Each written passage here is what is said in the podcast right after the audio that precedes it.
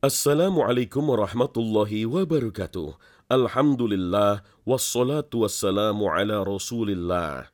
Sahabat khazanah, kenapa ada orang-orang yang meskipun sudah ditunjukkan bukti-bukti kebenaran, mereka tetap saja ingkar? Siapakah mereka itu? Mari kita simak tadabbur firman Allah Ta'ala dalam surat Al-Bayyinah. Allah Ta'ala berfirman, لم يكن الذين كفروا من أهل الكتاب والمشركين منفكين حتى تأتيهم البينة. رسول من الله يتلو صحفا مطهرة فيها كتب قيمة. Orang-orang kafir yakni ahli kitab dan orang-orang musyrik mengatakan bahwa mereka tidak akan meninggalkan agamanya sebelum datang bukti yang nyata, yaitu seorang rasul dari Allah, Muhammad, yang membacakan lembaran-lembaran yang disucikan, Al-Quran. Di dalamnya terdapat isi kitab-kitab yang lurus. Al-Quran Surah Al-Bayyinah ayat 1 hingga 3. Ayat ini menjelaskan bahwa orang-orang kafir dari kalangan Yahudi, Nasrani, dan penyembah berhala mengatakan bahwa mereka tidak akan meninggalkan agama mereka sampai datang kepada mereka bukti yang nyata berupa diutusnya seorang Rasul Allah. Namun, utusan itu datang membawa kitab suci Al-Quran, yaitu Muhammad SAW. Sebagian mereka ada yang beriman dan meninggalkan agamanya, dan sebagian lain mengingkarinya. Inilah makna tiga ayat pertama dalam surat Al-Bayyinah. Para ulama berbeda pendapat tentang status surat Al-Bayyinah, apakah tergolong makiyah atau madaniyah. Jumhur ulama berpendapat surat ini adalah surat madaniyah karena selama di Mekah Rasulullah tidak pernah berinteraksi dengan ahli kitab kecuali beliau sudah hijrah ke Madinah. Di kota yang sebelumnya bernama Yasrib ini sudah lebih dahulu menetap selain suku Aus dan Khazraj yang menyembah berhala, juga kaum Yahudi dari Bani Nadir, Bani Quraidah, dan Bani Qainuqa. Yahudi di Jazirah Arab sebenarnya imigran yang sengaja datang ke negeri ini karena mendapat petunjuk dari kitab Taurat tentang akan diutusnya nabi terakhir di sebuah daerah yang banyak tumbuh kebun kurma. Karena itulah mereka menetap di Yasrib seperti ciri-ciri yang disebutkan dalam kitab suci mereka.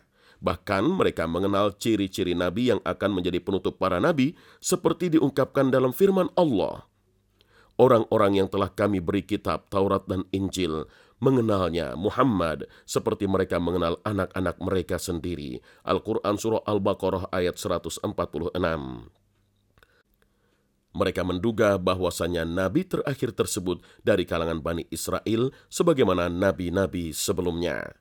Nabi Ibrahim alaihissalam memiliki dua anak yaitu Ishak dan Ismail yang keduanya diangkat menjadi Nabiullah. Nabi Ishak memiliki anak bernama Yakub yang juga Allah angkat sebagai nabi. Dari Nabi Yakub yang dijuluki Israel ini lahirlah semua nabi setelahnya mulai dari Nabi Yusuf hingga Nabi Isa, sehingga semua nabi tersebut adalah keturunan Bani Israel. Adapun dari jalur keturunan Nabi Ismail, tidak ada yang menjadi nabi kecuali Nabi Muhammad sallallahu alaihi wasallam.